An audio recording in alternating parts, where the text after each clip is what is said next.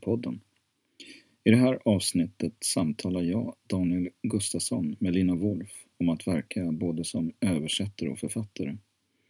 Hur olika är praktikerna och vad spelar över? Lina Wolf är aktuell med en nyöversättning av Gabriel García Márquez 100 år av ensamhet, men också prisad för sin senaste roman Köttets tid. Då skulle jag vilja hälsa Lina Wolf, översättaren och författaren, välkommen. Jag vände på det nu. Jag sa översättaren först och författaren för att det här är en översättarpodd som heter Rum för översättning. Och idag ska vi ha ett samtal med dig med rubriken Den polyglotta texten. Vi får se var vi hamnar. Ja, kul. Tack Ja. för att jag får vara med. Varsågod. Det är så lite. Vi är så glada att du är med. Det är jag också. Eh, Jätteglada. Jag vet inte om jag behöver introducera dig så mycket, eh, men för de som inte känner dig så kan jag ju säga att du är författare. har skrivit tre romaner och en novellsamling eh, som har blivit väldigt prisade, får man också eh, tillägga. Ja, jag har, Mm, det har gått, det har, jag har haft en ynnesten nu på sistone känns det som. Mm. mm. Det är ett veritabelt prisregn kan man säga med Augustpriset då för den för, förra romanen. Ja. eh, De polyglotta älskarna. Du har översatt också fem romaner från spanska. Mm, det är det Eller kanske. Mm. Mm. Ja, det Jag räknar efter. Mm. Det rullar på. Ja. Eh, och vi kommer väl att prata lite grann om just det ganska mycket. Men jag tänker också att vi ska försöka prata om förhållandet mellan översättande och skrivande. En del. ja. Mm. Känns det bekvämt? Det känns jättebekvämt. bra. Ja, schysst. Ja, men då tänkte jag faktiskt börja med, vi har ju en tidskrift här på Översättarcentrum som heter Med andra ord. Och där skrev du en novell till förra numret, eller en novell, en text. Vad, vad kallar du dig själv för någonting?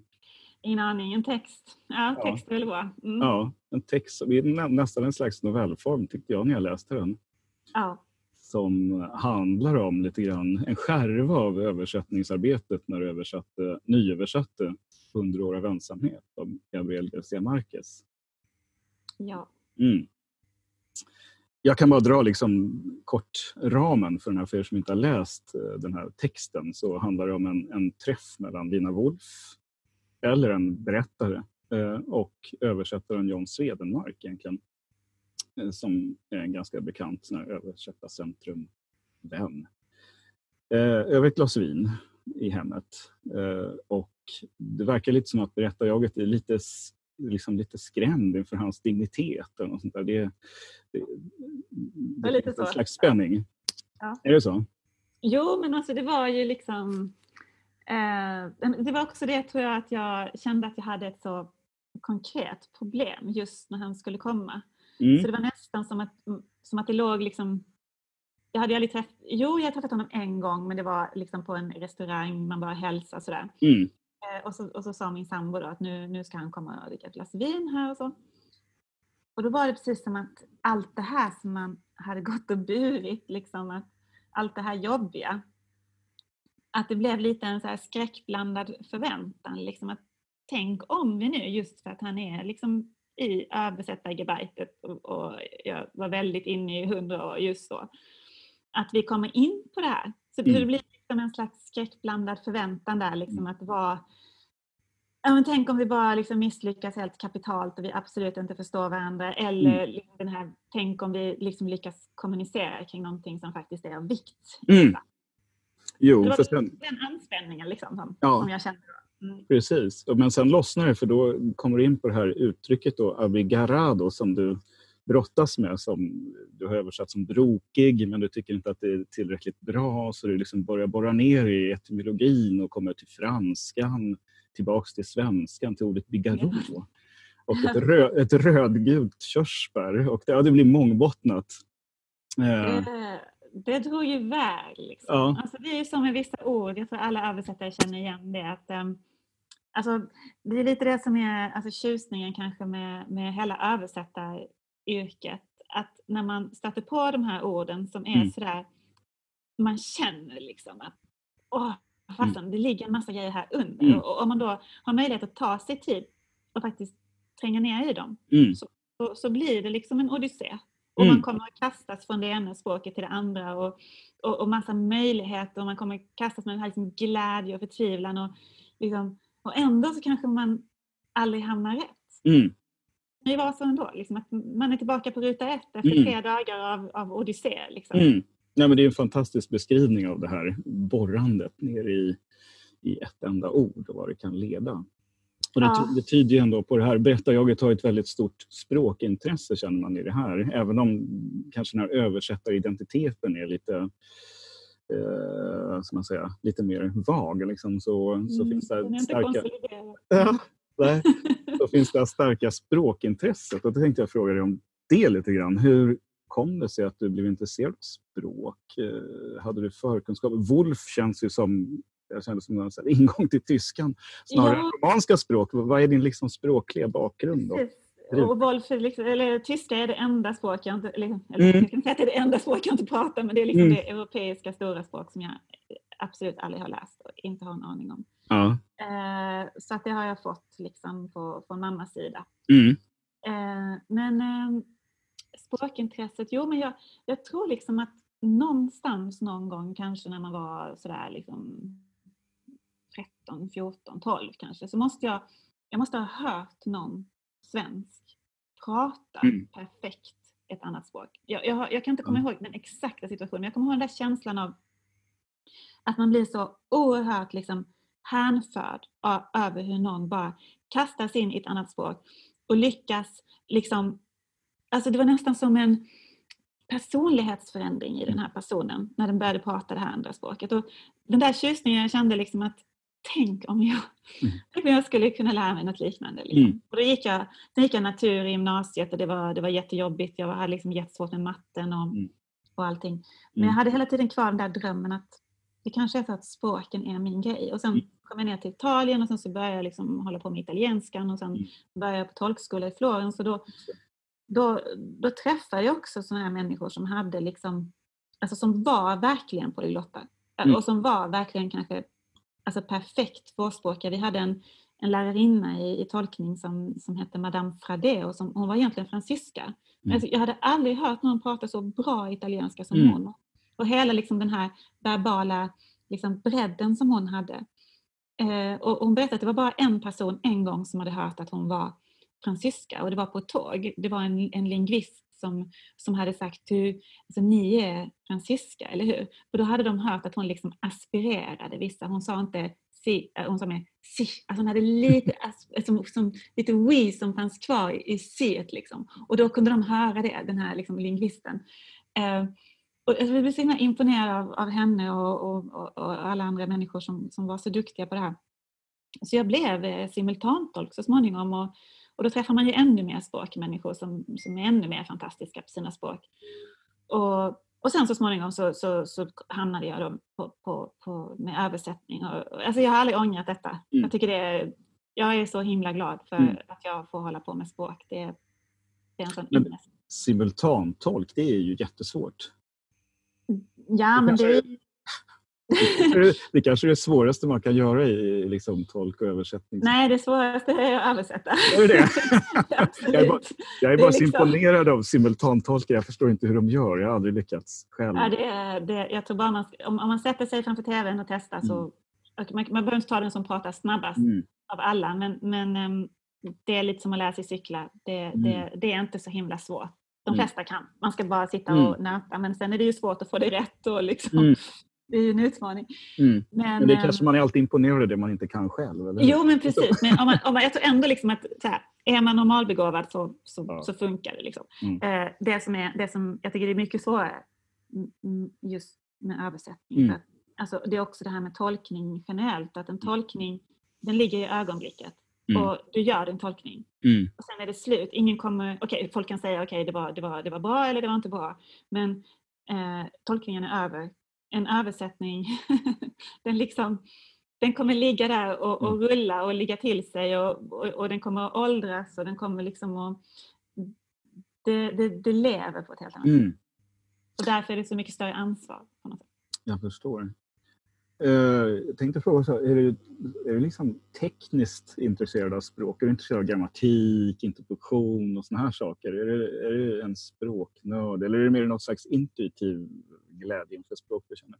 Jag tror liksom att tekniskt, alltså när du säger Alltså, grammatik tycker jag kan vara väldigt intressant. Mm. Grammatik är ju system eh, som är uppbyggda på ett speciellt sätt. Om, om, man tänker de latinska språken så är det ju det är väldigt mycket som är, som är likt mellan mm. de här systemen. Men så finns det några olikheter som är liksom, oerhört intressanta. Till exempel hur man använder liksom, konjunktiv i förfluten tid om man jämför mellan spanska, franska och italienska. Så finns det, så finns det skillnader som jag tycker ändå liksom, mm. säger någonting om språken som, som, som är väldigt intressanta. Mm. Men, men sen just det här med, med interpunktion och sådär, det tycker jag, jag har alltid tyckt var väldigt svårt. Mm. Um, och jag, jag har en tendens att liksom göra det som jag läser och jag vet att det är fel.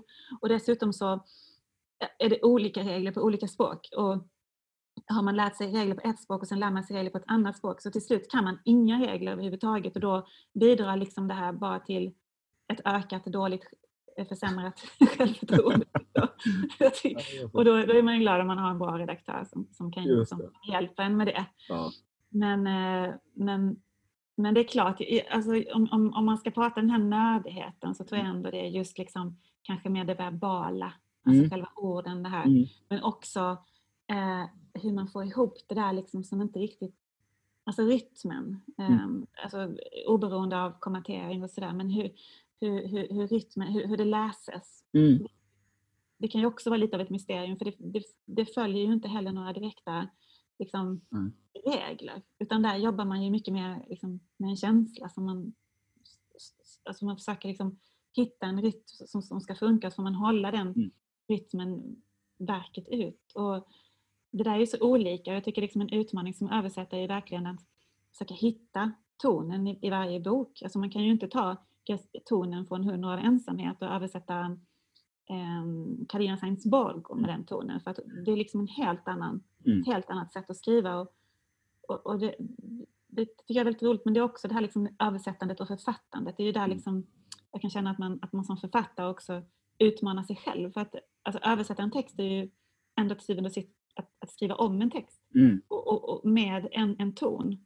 Och att, att anamma en ton som inte är som inte är ens egen. Mm. Jag, tänker, jag, brukar, mm, jag brukar ibland jämföra med att uh, åka vattenskidor. Ungefär. Att man måste följa med i svängarna helt enkelt. Jaha, det har jag aldrig gjort. Nej, men att inte släppa, släppa taget. Utan som du säger, varje text har ju sin rytm och sitt sväng ja. på något sätt.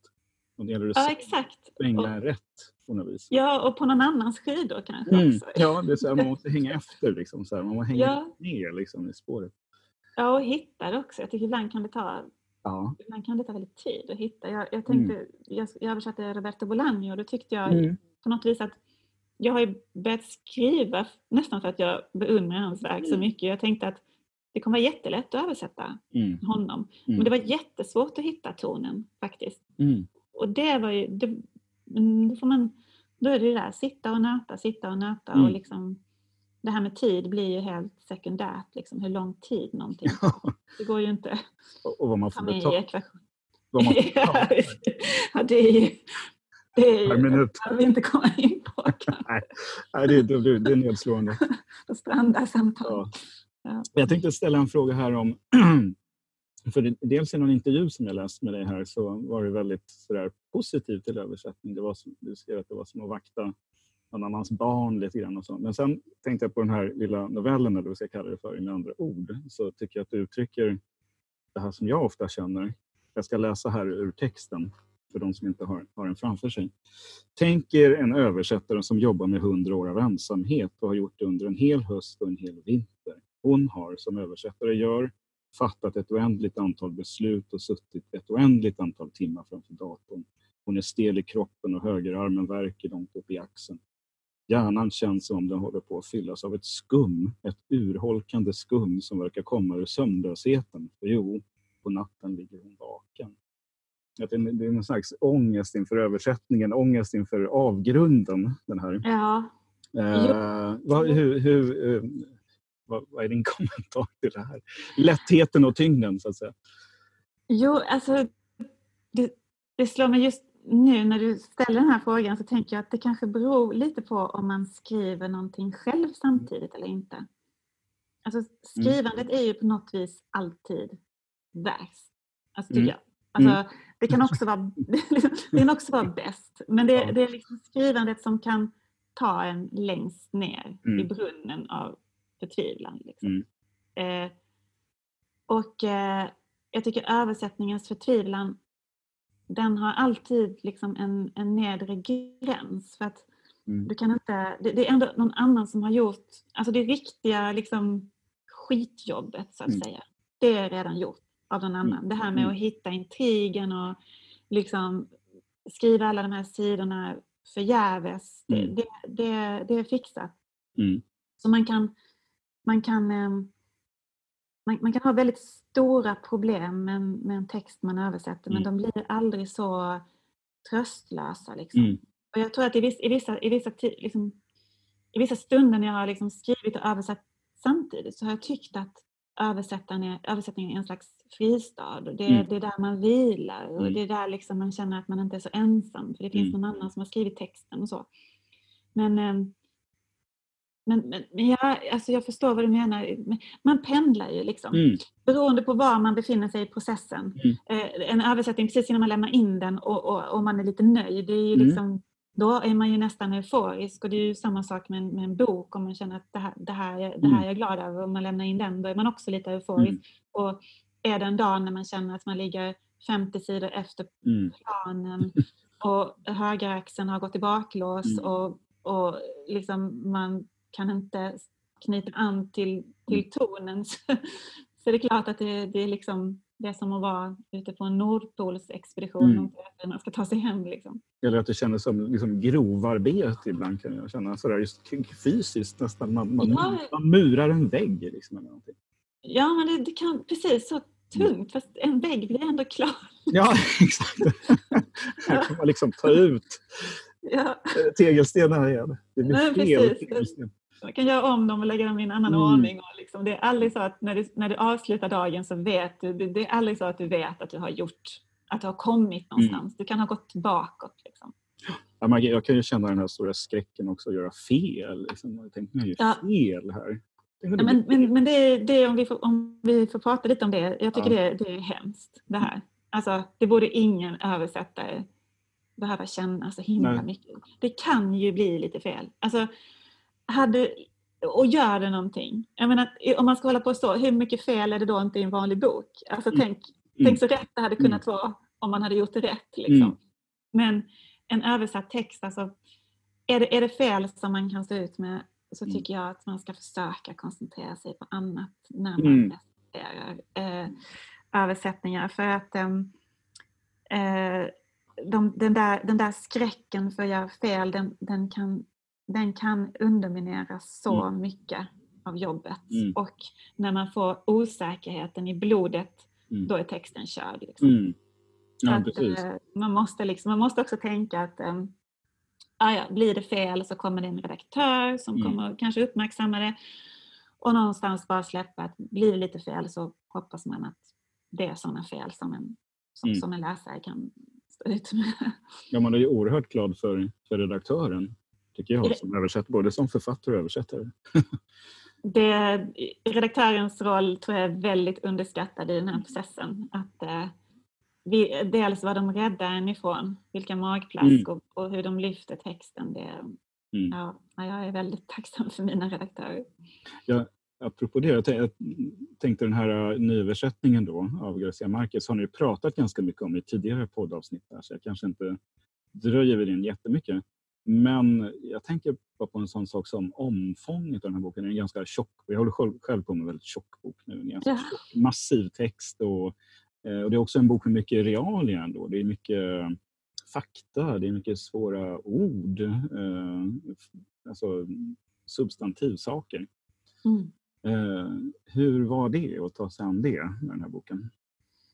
Nu är den, nu är hun- om- 100 ensamhet var ju 500 sidor Mm. ungefär. Mm. Och den du översätter då, som jag där, är 1300. Så Ja, att, eh, jag, har ju, jag har förhandlat bort halva boken så jag okej. en annan översättare så att jag är nere Okej. 700 sidor. Ja, ja, okej, Ja. men det är en, Ja. Mm. jag tror ändå mitt var lite milda jämförelse. Men jag tänker liksom, just med 100 av ensamhet så var det faktiskt så här att jag bestämde mig, jag ska göra fem sidor om dagen. Mm. Så, du Mm. måste göra fem sidor.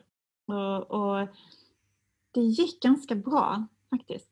Jag fick upp den farten och jag lyckades hålla den farten. Jag var, lyckades vara sådär disciplinerad med mig själv så att jag verkligen gjorde fem sidor och Mm. inte lät mig distraheras och inte började skriva på någonting eget. Och, Mm. eh, och sen tycker jag också liksom att Garcia Marquez, han är inte, han är inte jättesvår översatt. Mm. Alltså, Mm. Jag tror det finns, det finns författare som, som, som inte är lika litterära som han som kan vara mycket svårare att översätta. Ehm, Det känns Och att det- han har, ett- han har ett bra flyt, eller hur? Precis, och, och i och med att, i och med att det, liksom, det, det rent litterära liksom, Mm. arbetet är så, är så välgjort Mm. så, så klantar man sig inte alldeles förtvivlat så är det ändå liksom mest bara att hänga på liksom, och försöka eh, återge vad, vad, vad han liksom ger uttryck för. Men, eh, det finns andra böcker som är mycket mer liksom, egna i språket och där, och där man känner att det här går inte att göra på svenska. Mm. Liksom. Mm. eller, eller om de... Till slut så, så blir man ju väldigt lierad också med författaren om man vill att texten ska bli så fantastisk som möjligt på det egna språket. Och- Så till slut kan det ju bli då, när man försöker liksom kalibrera, kan det nästan bli att vissa scener och vissa sätt att beskriva saker, där kan man ju också bli väldigt beklämd.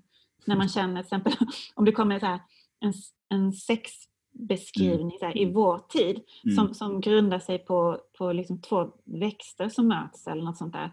Då blir det ju, då känner man lite att det här kommer, det här kommer inte funka i mitt land idag. Liksom. Och, och man vill rädda författaren och man tänker, hmm, hur ska vi liksom, hur ska vi läsa det här? Liksom? Eh, och det tycker jag man kan liksom sitta med väldigt Mm. länge på ett sätt som jag inte gjorde med 100 av ensamhet. Utan det som tog tid, liksom, det var väl mer när det var vissa ord som kändes, ehm, de här orden måste jag liksom lyckas hitta ett ord för på svenska som, som rimmar med, vår, sam, med min samtid.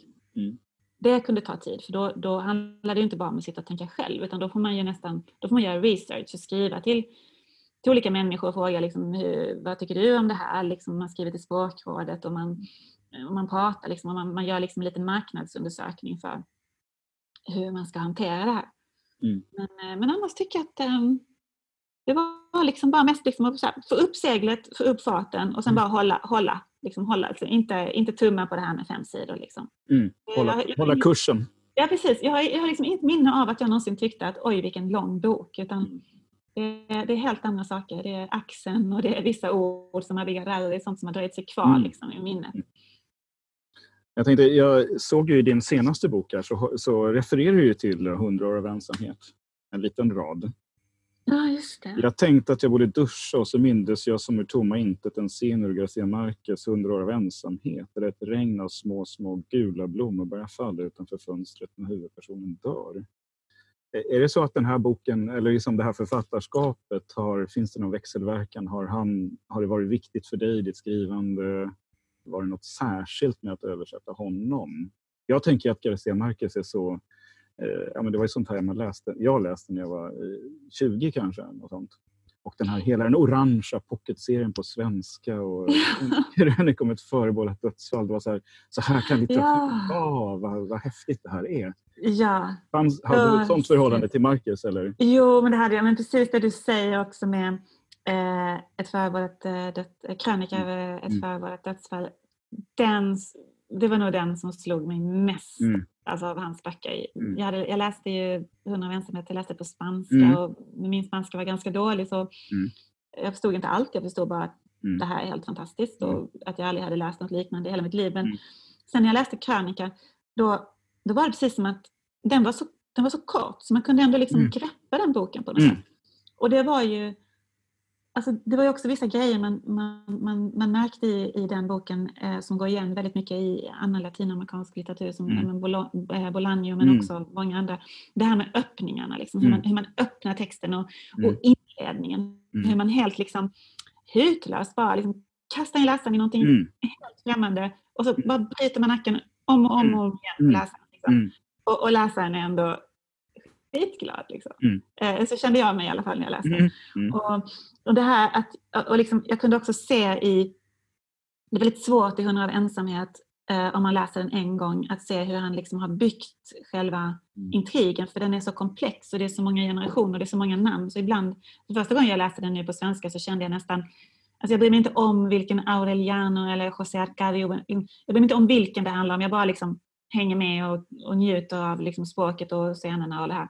Men i, i krönika över ett förberett dödsfall så då kan man ju liksom se att okej, okay, det här börjar liksom med att eh, liksom, eh, dagen då de skulle döda honom. Alltså vi vet redan i första mm. meningen ja, hur det här exakt. slutar. Liksom. Och alla de här sakerna som man, som man upptäcker att han liksom hela tiden punkterar spänningen och det är nästan som att han ger sig själv en utmaning att jag behöver liksom inte sitta här och bygga någon spänning utan mm. jag är mycket större än så. Så jag berättar från början vad det kommer handla om och sen kommer ni ändå tycka det är jättespännande. Liksom. Det är det här oerhörda liksom, mm. självförtroendet men också mm. konstnärligheten att man faktiskt fixar att göra de grejerna. Eh, så den var jag väldigt, väldigt eh, eh, begeistrad av. Och nu har jag glömt frågan, men jag tror det var att om man inte var väldigt överväldigad att få översätta honom. Eller hur? Det var det du frågade. Ja, något sånt. Att, hur, hur, hur, att ta sig an en sån här... Ja, men precis. Jo, jo så det var Jo, precis. Så, så det var jag verkligen. Och det kändes som... Jag kände också lite så här... Eh, liksom, är, är inte det här lite farligt liksom, att göra sådana här stora viktiga översättningar? Och så kände jag samtidigt att det är helt omöjligt att, att säga nej. Liksom, för att mm. Jag får den här frågan en gång i livet och, mm. och jag vill ju verkligen känna liksom, att, att jag har, har, har försökt så gott jag kan. Mm. Liksom. Ja, hur är det med dina översättningar? Är det, du har fått förfrågningar från förlag och så här, hej Lina Wolf, vill du översätta den här boken? Eller hur har de gått till? Eller har du visat intresse? Så här, jag skulle jättegärna vilja översätta något för er. Nej, fast jag kan säga nu om någon lyssnar att jag skulle jättegärna vilja översätta Pedro Páramo av Juan Rulfo. Om det är någon som vill nyöversätta det. Eh, I övrigt så, eh, nej, jag har, jag har fått eh, förfrågningar mm. mm. hittills. Um, det har jag. Mm. Så, och, och, jag har ju haft mitt eget skrivande så att ibland mm. har man ju tagit lite mycket mm. också på tallriken. Nu har jag två översättningar som jag, eh, eller tre översättningar ja. som jag håller på med. Mm. Mm. Något som jag kan gilla med att översätta är ju att man får skapa ett slags svenskt litterärt språk som kanske inte finns tidigare. Eh, om det inte finns någon mall för det. finns ju en frihet i det, tänker jag. Jag kommer ihåg när jag läste Eh, Ingrid Johansson, den här rumänska författaren Mircea Cartarescu, jag vet inte om du har läst honom, men hans första bok som kom på svenska hette Nostalgia och det var en sån här Wow, så här kan man liksom översätta. Det här är ju väldigt häftigt. Lite grann som De vilda detektiven också. Alltså det yeah. finns inte riktigt någon mall för det här berättandet på svenska. Um, och du har ju själv översatt Bolaño. Det, det varit en lång fråga här, men kan du berätta om ditt förhållande till honom? Och du antydde ju tidigare att han har varit viktig för dig. Mm. Nej, men det är ju, det är ju eh, ja, vad ska man säga? Han, eh, i, i den spanskspråkiga världen, så här, om man pratar med så här, spanjorer så, så är ju alla ganska överens om att Bolaño är så här, vår tids Cervantes. Så det är ju mm. väldigt stort för en för en spanjor att säga det. Eh, och, och, det är ju inte så att de saknar stora författare som de hade kunnat säga är vår tids eh, Cervantes. Liksom. Så att Bolaño är ju oerhört stor. Eh, jag tycker att, att ehm, jag brukar tänka så här, det, den litteratur som är verkligt bra, det är den som ger en lust att skriva själv. Mm. Och det är ju någonting som jag tycker Bolaño gör. Alltså får, man börjar läsa honom och så läser man fem sidor och så bara känner man hur den där lusten kommer. Och det är inte så att man vill skriva som han, men, men man vill skriva själv. Man känner den här glädjen mm. att ge uttryck för någonting, glädjen att stå utanför och titta in i ett händelseförlopp. Och man får lust att göra samma sak själv. Mm. Eh, och där, där, så där, men sen är det ju klart, eh, Absolut, jag håller med om, om de vilda detektiverna men också 2666 mm. Eh, är ju också uppbyggd på ett sätt som, eh, som, som jag tyckte det var oerhört liksom, nytt när jag läste det. Och sen när jag gjorde min Batista Nellis de andra hundarna så tänkte jag väldigt mycket på det där sättet att du har en huvudperson. Eh, I 2666 så är den här Arkin Boldi. Eh, alla pratar om honom, det är fem delar i den här boken eh, och alla pratar om Arkin Boldi men vi får aldrig själva höra Arkenboll, utan han är, liksom, han är liksom ett mysterium genom hela boken. Och det är också det som är mm, liksom, som är så viktigt i en text ibland, att, att det finns liksom ett underliggande mysterium och det känns som att Bolaño hela tiden är, är väldigt, eh, väldigt nära det. Mm. Eh, sen när jag, när jag pratade om det här någon gång så, så var det någon som sa, nej men det där Alltså hela Bibeln är ju uppbyggd enligt samma princip, Nya Testamentet. Det här är bara människor som pratar om någon som inte pratar själv. Liksom. Så att det här är kanske inte så nytt som, som, som jag tänkte då. Men, inget, inget är nytt i litteraturen. Nej, det, är så. det är bara att acceptera, liksom. det kommer alltid finnas någon som har gjort det. Men, men han gör det på ett, på, ett, på ett väldigt eget sätt. Och sen, sen är det klart att man kan känna så att har man sådana företrädare som, som Bolaño har, liksom, alltså det, han har ju Borges och Garcia Marquez kanske han i och för sig förhåller sig lite kritiskt till och även till Borges och, och det, det, måste ju också samtidigt vara, vara en tyngd att ha de här giganterna att hela tiden förhålla sig till. Men, men samtidigt så får man ju känslan med Bolaño att, att eh, vad som helst kan hända och det finns ingenting som är fult eller dåligt liksom, om han vill skriva en, en roman som Tredje riket, jag vet inte om du har läst den, men den är, den är alltså man ska säga, om man hade varit en liksom, förläggare som vill ha en framgångsrik författare så hade man ju bara sagt släng det. Liksom. Glöm det. Ja, precis, bara släng det, bara glöm det, liksom, gör något annat. Den är, den är oerhört nördig och den handlar liksom om ett, ett spel, alltså inte ens ett tv-spel för den är skriven liksom i en Eh, alltså den hänvisar till en tid när det inte fanns några tv-spel. Så det handlar liksom om andra världskriget som ett bordspel, ett evighetsspel. och man flyttar enligt olika eh, liksom versioner av hur kriget hade kunnat förlöpa så flyttar man sina pjäser över Europa då som är på bordet. Alltså, det var en recensent som skrev så här Åh, vilka långa, ingående och tråkiga eh, liksom beskrivningar han har av andra världskriget. Och då bara tänkte jag, tänk på mig som satt där och skulle mm kränga över det här till svenska. Alla mm. dokumentärer om andra världskriget. Mm. Alltså, och, men han gör det här. Och han, mm. han gör det för att han tycker att jag ville skriva den här boken. Och det finns liksom ingen ansats till att tillrättalägga detta.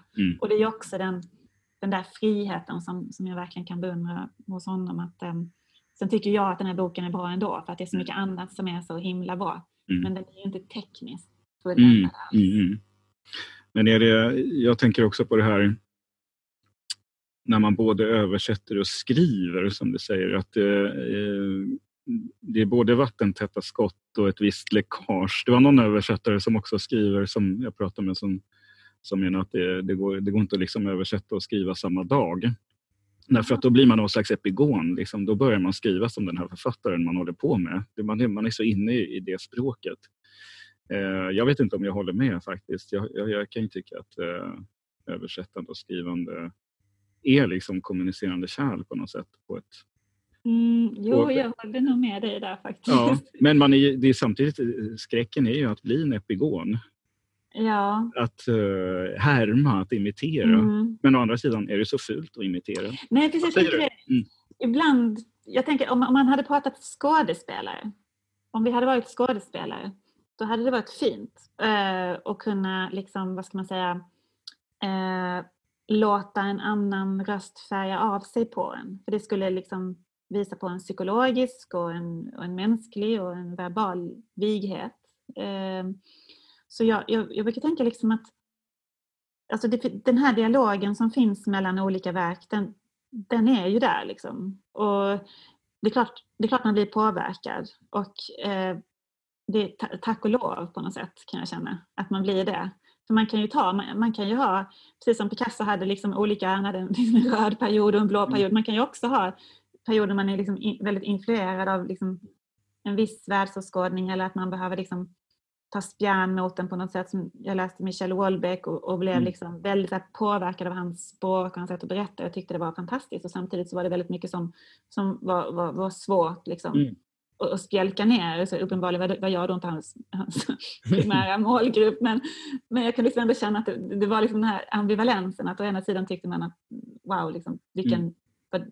fasen vad duktig han är och så samtidigt det här skulle jag vilja jobba med själv. Och mm. Då tänker jag att jag hade liksom aldrig hamnat i det spänningsfältet om jag inte hade umgått så nära med, med, mm. med hans böcker. Och, men det är klart, det är klart man, man kan eh, man, man får med sig saker. Men mm. förhoppningsvis tror jag att det balanseras upp liksom på något sätt.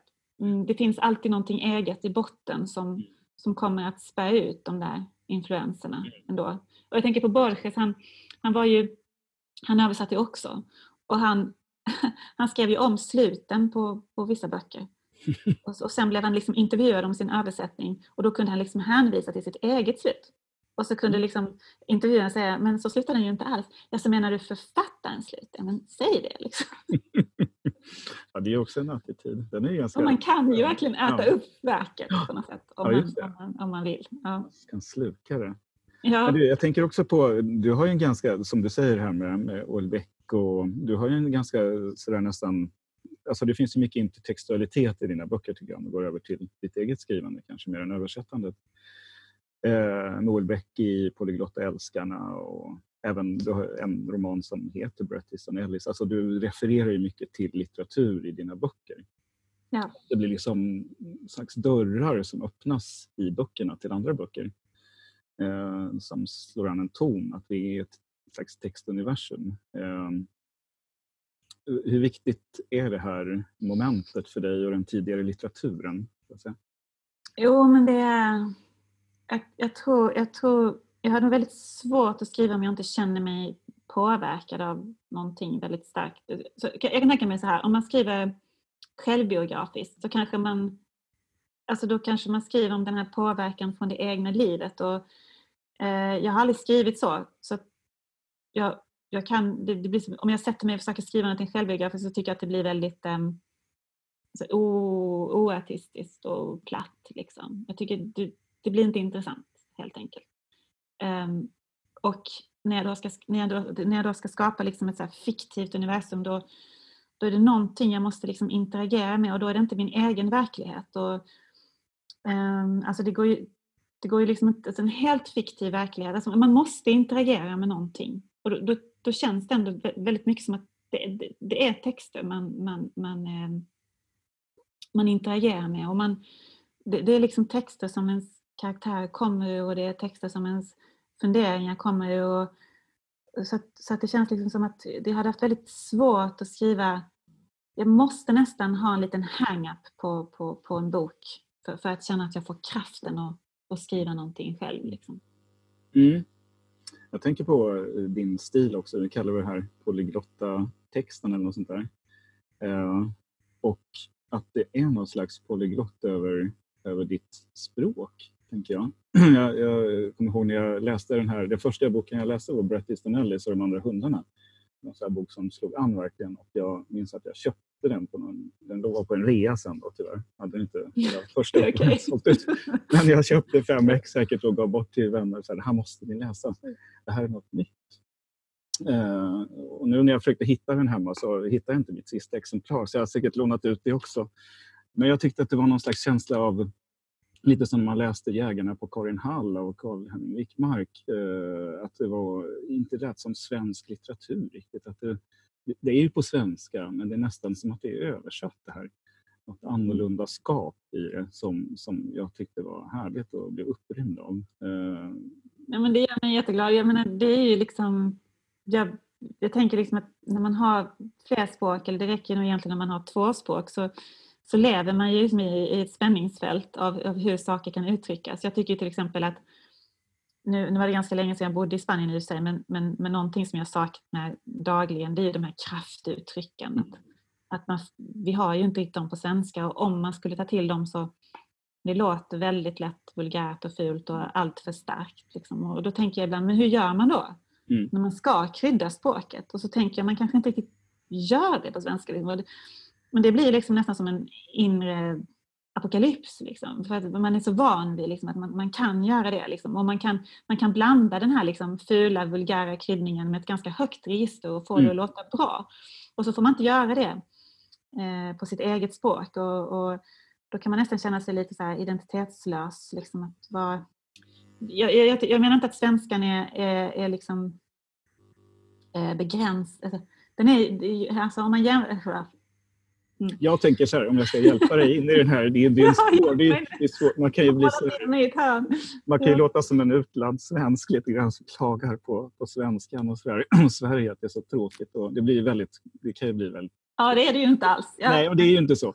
Men det, samtidigt finns det ju något i, i, i den svenska litterära traditionen där vissa saker har premierats tänker jag, och andra inte har premierats.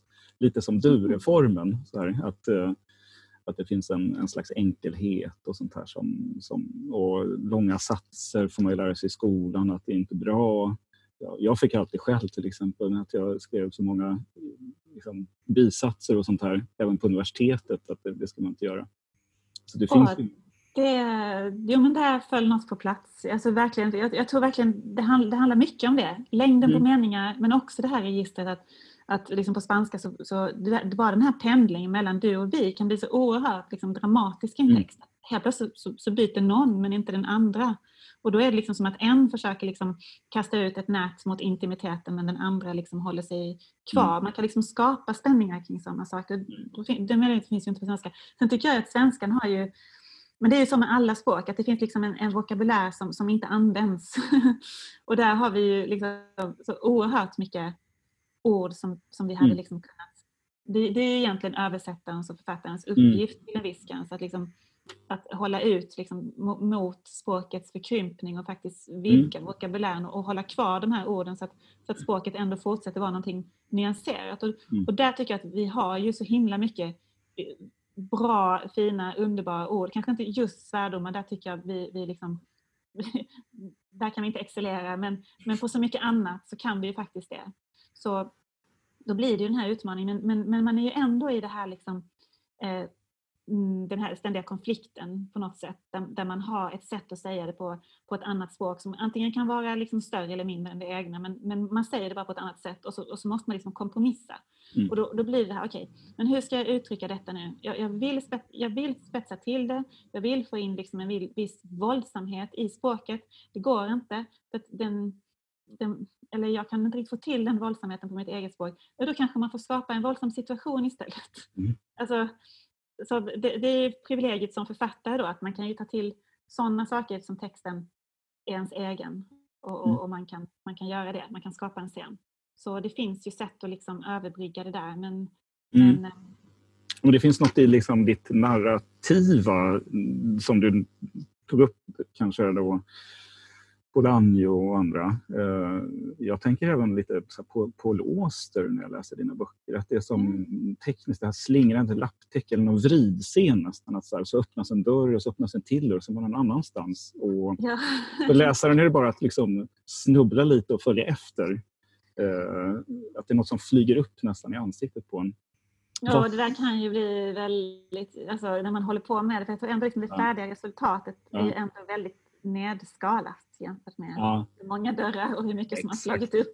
Liksom. För ändå hänger det ju ihop och på något sätt är det kanske då stilen som, som gör att det här. Jag, till exempel Bret Easton Ellis-boken skulle inte jag kunna redogöra för handlingen i. Eh, den, jag bara minns den som ett universum liksom, som var härligt att vara i. Ja. Eh, och den var helt fantastisk att läsa. Men hur förhåller du dig till, till den narrativa eh, och den narrativa strukturen? Så där? Eh, ja men egentligen så förhåller jag mig väl bara så enkelt som absolut frihet på något mm. sätt. Mm. Jag tycker ju inte att den narrativa strukturen ska underkastas alltför liksom, mycket stränghet. Jag tycker ofta det är, liksom, om en bok är tråkig så tycker jag ofta det är liksom dels språket och dels att den narrativa strukturen inte alls är elaborerad på något sätt. Eh, man kan göra så himla mycket med det narrativa så att det blir tredimensionellt. Eh, bara det här liksom att man kastar om kronologin, det är ju, det är ju väldigt enkelt, men att, att, att man kanske först beskriver en, en situation och sen det kan man beskriva den igen senare, men då, och då vet läsaren en massa om situationen. Och det skapar, det skapar liksom en dubbelhet och en spänning i situationen. Men då måste man också våga eh, liksom klippa upp en, en, eh, en, en dramaturgisk kurva och faktiskt inte känna att eh, nu sa Aristoteles här för 2400 år sedan att det ska gå till på ett visst sätt och då måste vi göra så liksom, till döddagar. Liksom.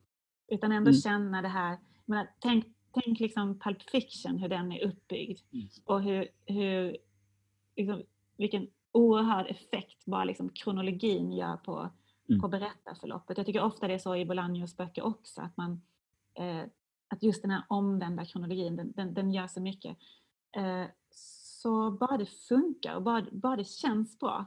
Jag kan ju också tycka någonstans att det här du säger om, om Betty Stanellis och de andra hundarna, det, det var ju min önskedröm lite att kanske en läsare inte skulle vara så väldigt liksom krävande när det gällde att hålla ihop eh, intrigen. Eh, och jag är väldigt glad och tacksam mot Gunnar Nierstedt att han faktiskt bara publicerade den här boken utan att komma med några sådana. Det var liksom, han kom inte med en enda invändning vad gällde själva strukturen utan den fick vara så. För jag, jag, tror att det är den mest vidlyftiga boken jag har skrivit och jag är väldigt glad att jag fick liksom testa mina vingar på ett sådant sätt. Sen är det ju också så att med tiden så blir man ju lite mer, alltså när man börjar leva på sitt skrivande och så, så förstår man ju liksom att ja, alltså, narrativ komplexitet har ju ett pris, om man säger så.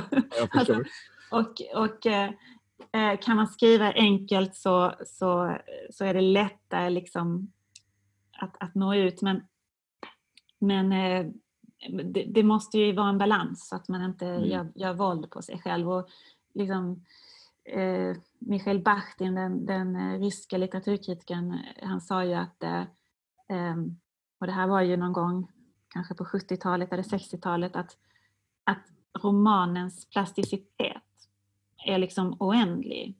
Och vi står bara liksom i början liksom, för att se vilka olika proportioner och former som en roman kan anta. Och då tänker jag att då måste, då måste vi utforska det på något sätt. Bra, bra sammanfattat tycker jag. Eh, då har vi liksom prickat av språk, översättande och eh, narrativet i den moderna romanen. Så att eh, vi kanske kan nöja oss lite grann här. Ja, det här samtalet. Ja, vi har pratat i nästan en timme. Mm. Det har varit superspännande att få utforska lite med dig. Din... Ja, det var jättekul att få vara med och prata med mm. dig också ska jag säga. Mm. Och jag hoppas att vi hörs igen. Men jag får tacka för den här gången. Tack själv. Ja. Tack så mycket.